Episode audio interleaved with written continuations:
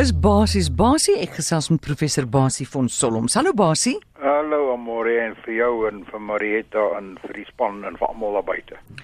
Nou het daar 30 Swede mikroskyfies in hulle polse gekry en hulle sê dit is net te wonderlik want hulle is nie meer bekommerd oor 'n bos sleutels wat hulle iewers vergeet nie. Dit gee hulle toegang tot die gim, tot die kantoor, tot soveel plekke. Onmiddellik dink mense gitsman 666 van Openbaring. Geef ons 'n bietjie perspektief hier, moet ons bekommerd raak? Kom ons begin net beg uh, by die begin en dan sal ek terugkom na jou vraag toe want dit is nogal 'n baie belangrike vraag. Uh die kwessie van van implanting van ehm um, rekenaarskyfies in die menslike liggaam is is nou niks niets nie. Hierdie Switsers het nou maar net dit gedoen, maar da, die eerste gerapporteerde implanting het al in 1998 plaasgevind. Uh en in 2009 het 'n ou uh verskeie ouens dit laat implant in hulle in hulle gewrigte soos wat jy sê en dit is nog altyd daar. Uh ek was persoonlik by 'n konferensie gewees so 'n jaar of twee gelede in die buiteland waar die spreker uh so 'n implantaat gehad het en hy hy het geleef daarmee saam. So eerstens ehm um, kom ons kom ons vra of dit iets is wat wat vinnig gaan gebeur. Dit glo ek nie. Kom ons gaan terug na jou vraag toe. Ehm um, sal ek dit laat doen? Nou laat ek laat ek my bona fides op die tafel sit. Ek is 'n Christen, ek is oortuig daarvan ek gaan eendag in die hemel kom. Ek het geen twyfel daaroor nie. Maar ek is ook oortuig daarvan dat as ek 'n skyfie in my pols laat implant, gaan ek nog altyd in die hemel kom. So ek het geen probleem persoonlik vanuit my Christelike oortuiging en my ervaring en my kennis van die tegnologie dat die implanting van so 'n skyfie ehm um, enigiets te doen het met die merk van die bees of die merk van die koei of met 666 of wat ook al. Ons is die kennis gegee om tegnologie te ontwikkel en daai tegnologie gebruik ons. En byvoorbeeld baie mense loop deesdae met met rekenaarimplantate in hulle liggame rond. 'n Pasaangeer is niks anders nie as 'n ingeplante rekenaar wat beheer kan word. Mense se lewens word daardeur gered. So ek het geen probleem daarmee nie. Hoekom ek persoonlik versigtig sal wees daaroor. En dit is dinge wat ons uh waaroor ek nogal bekommerd is, is dat die langtermyn gevolge van hierdie tipe goed het ons nog nie ervaar nie. Ons het dit nog nie behoorlik getoets nie. Jy weet, as die eerste uh implantaat 18 jaar gelede gebeur het. En daar is net 20 of 40 of 1000 of selfs 10000 mense in die wêreld wat dit gedoen het. Is jou jou basis waarop jy behoorlike ondersoeke kan doen baie skraal. Daar is rapporte in honde en in diere waar hierdie skyfies ingeplant is waar daar kanker ontwikkel het daar waar die implant plaasgevind het. Weer eens hoe wyd daai uh eksperiment gerapporteer is, weet 'n mens nie. Die tweede gevaar wat ek sien, ehm um, is dit gaan my privaatheid beïnvloed. Uh en daar's ook uh, uh gerapporteer dat hierdie skyfies wat ingeplant is en dit is bewys, kan geïnfekteer word met 'n virus. So as jy nou by die deur mm. inloop en jy maak die deur oop en jou in en jou skyfie is geïnfekteer met 'n virus, um, dan kan daai virus nou in die stelsel ingaan en hy kan die hele stelsel gaan bevoeter aan die ander kant. So al hierdie goed is nog nie behoorlik getoets nie. Maar ek ek sal dus versigtig wees omdat ek nie weet wat die langtermyn mediese gevolge daarvan is nie. Ek sal versigtig wees want ek sal nie ek is nie oortuig dat my privaatheid en en dat hierdie uh, skyfie nie uh, geïnfekteer kan word en groot ander tegniese probleme kan veroorsaak nie. Maar ek het geen probleem daarmee om te kan sê van my kant af soos ek die Bybel interpreteer uh dat dit wat my betref net mooi niks te doen het met die merk van die bees nie. Dis die mens se kundigheid wat hy toepas om dinge te doen. En hoe voel jy oor vingerafdrukke? Dieselfde oor vingerafdrukke. Vingerafdrukke en en en en het, toevallig het ons nou vandag gesien dat op binne in hierdie week het een van ons groot banke aangekondig dat jy kan nou jou rekening oopmaak deur 'n selfie mm. op 'n foon te neem. Nou 'n selfie is maar net eenvoudig 'n ander vorm van 'n vingerafdruk. Dis jou gesigafdruk. So daai tipe tegnologie gaan ons al ja, ag ons sien dit al baie lank al.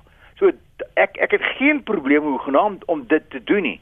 Maar die hele punt is, onthou ons het dit al hoeveel keer gesê, niks wat jy in die kuberruimte insit en hy of jy jou vingerafdruk insit en of jy vir jou laat implant met 'n uh met 'n mikroskyfie en of jy gesigafdruk laat neem of wat ook al. Iewers gaan dit in die kuberruimte in 'n database gestoor word en daar is dit nie noodwendig veilig nie. So die hele kwessie van sekerheid en beveiliging van hierdie tipe dinge. Byvoorbeeld, kom ons vat 'n voorbeeld. Die die vorige visiepresident van Amerika. Ehm um, ek is nou nie seker wat sy naam was nie. Hy het 'n hart implantaat gehad, 'n hartpasaangeer gehad toe hy visiepresident geword het. En die sekerheid en en sy dokter kon dit oor die internet kon sy dokter daai pasaangeer dop dophou kyk wat gebeur as hy normaal en as daar iets snaaks gebeur dan kon hy letterlik van die dokter se kantoor af kon hy daai pasaangeer beheer en bestuur. En die versekeringspolisie het dit verbied. Hulle het gesê daai koneksie sal uh, afgesny word. Jou pasaangeer sal in jou hart wees, maar niemand gaan hom van 'n afstand af kan beheer of wat ook al nie. Want as hy geïnfekteer word of as die kuberrot kan dit kan oorneem, dan kan hy daai pasaangeer teen volspoed laat klop en die ou kry hartaanval en gaan dood. Goed, ek sal nou verstaan as jy die adjunkpresident is van Amerika, is dit nogal 'n risiko. Maar dit is dan wonderlik as jy net 'n gewone mens is soos ek en jy en jy het hartprobleme en hier kom die ambulans na jou toe, half 10 die oggend, hulle sê vir jou, hoor jy gaan binne 'n halfuur 'n hartaanval kry. Want hulle het jou gemonitor aan die ander kant en hulle sien o, gits, hier kom nou probleme. Want dit is wat so wonderlik is van hierdie storie. daarmee het ek geen probleme nie. Ek stem heeltemal met jou saam. Ons gaan hierdie tipe tegnologie Jy weet, en dink net aan die aan die aan die gevalle soos soos mense wat aan Alzheimer ly, wat verdwaal en wat hulle jou presies kan gaan vasstel, daar is die ou. Hoeveel ouers? Ek het gister met my met my dogters gepraat met met my twee kleinkinders. Hm. Jy weet, hulle het geen probleem om uh, omdat hulle so bekommerd is oor die veiligheid van die kinders en alle ouers is bekommerd oor hulle kinders om 'n uh, sê 'n implantaat te laat maak of 'n uh, 'n skyfie in te plant in die kinders. Um om presies te weet waar die kind is en om enige probleem soos wat jy tereg noem te kan ondervang. Daar's baie voordele aan. Die hmm. nadele weer eens moet 'n mens ook na gaan kyk dat dit kan misbruik word. Baie mense sê, maar as ons nou verder voortgaan en ons begin nou meer en meer mense oor die wêreld begin implantate kry, kan 'n regering kom en dit begin oorneem en begin alles van jou uitvind en sien waar jy is en jou gesondheid bepaal en vir jou sê nee maar jy weet jou of jou mediese fonds wat vir jou sê hoor jou gesondheid is nou dan te erg. Jy doen dinge wat ons nie wil weet nie so ons maak ons haal jou uit die mediese fonds uit. So voor en nadele. Ek is nog altyd 'n ou wat gesê het gebruik tegnologie waar jy kan so goed soos jy kan solank dit die mens my en jou lewe verbeter. Met die risiko en die besef dat niks is 100% veilig nie, niks is 100% seker nie. So daai risiko gaan jy loop.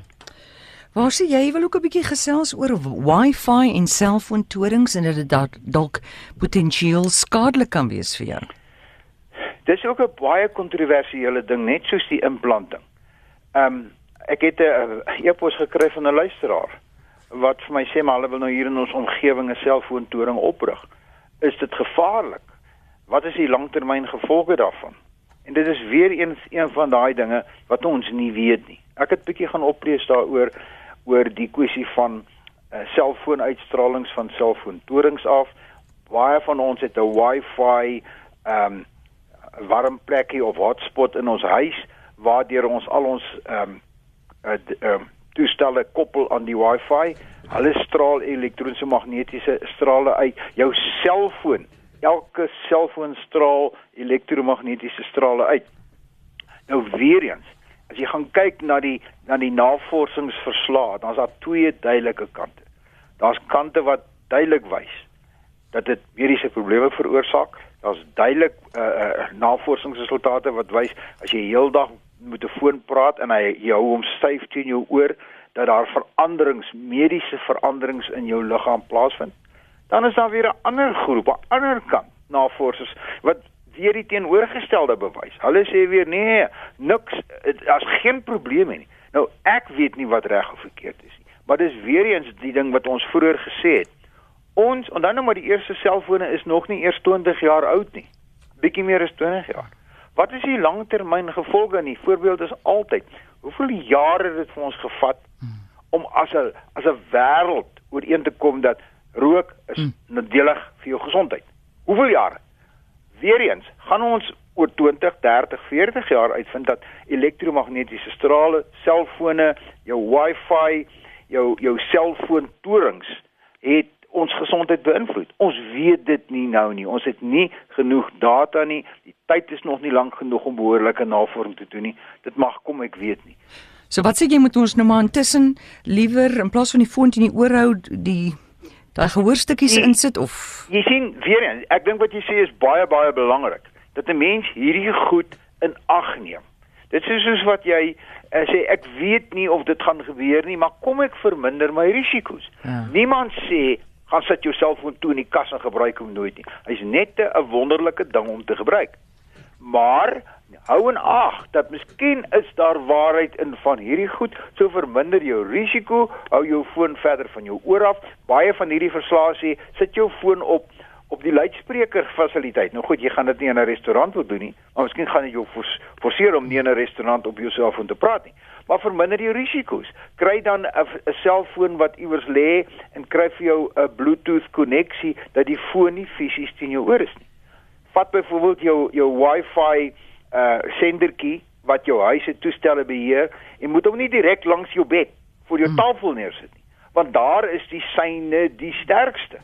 Vat hom en sit hom op 'n ander plek maar moet hom nie afskakel nie want dan verloor jy die voordeel daarvan. Jy sien dis dieselfde as ek en jy sê, uh, voertuie. Ons mag nie moet moenie met karre ry nie want karre maak ongelukke en dit maak mense dood. En weet net, dis jou risiko. As jy in die kar klim, dan besef jy dis 'n risiko. Daarom tref jy voorsorgmaatreëls. En hierdie goed wat oor 20 jaar lank die resultate gaan sien, verminder net jou risiko.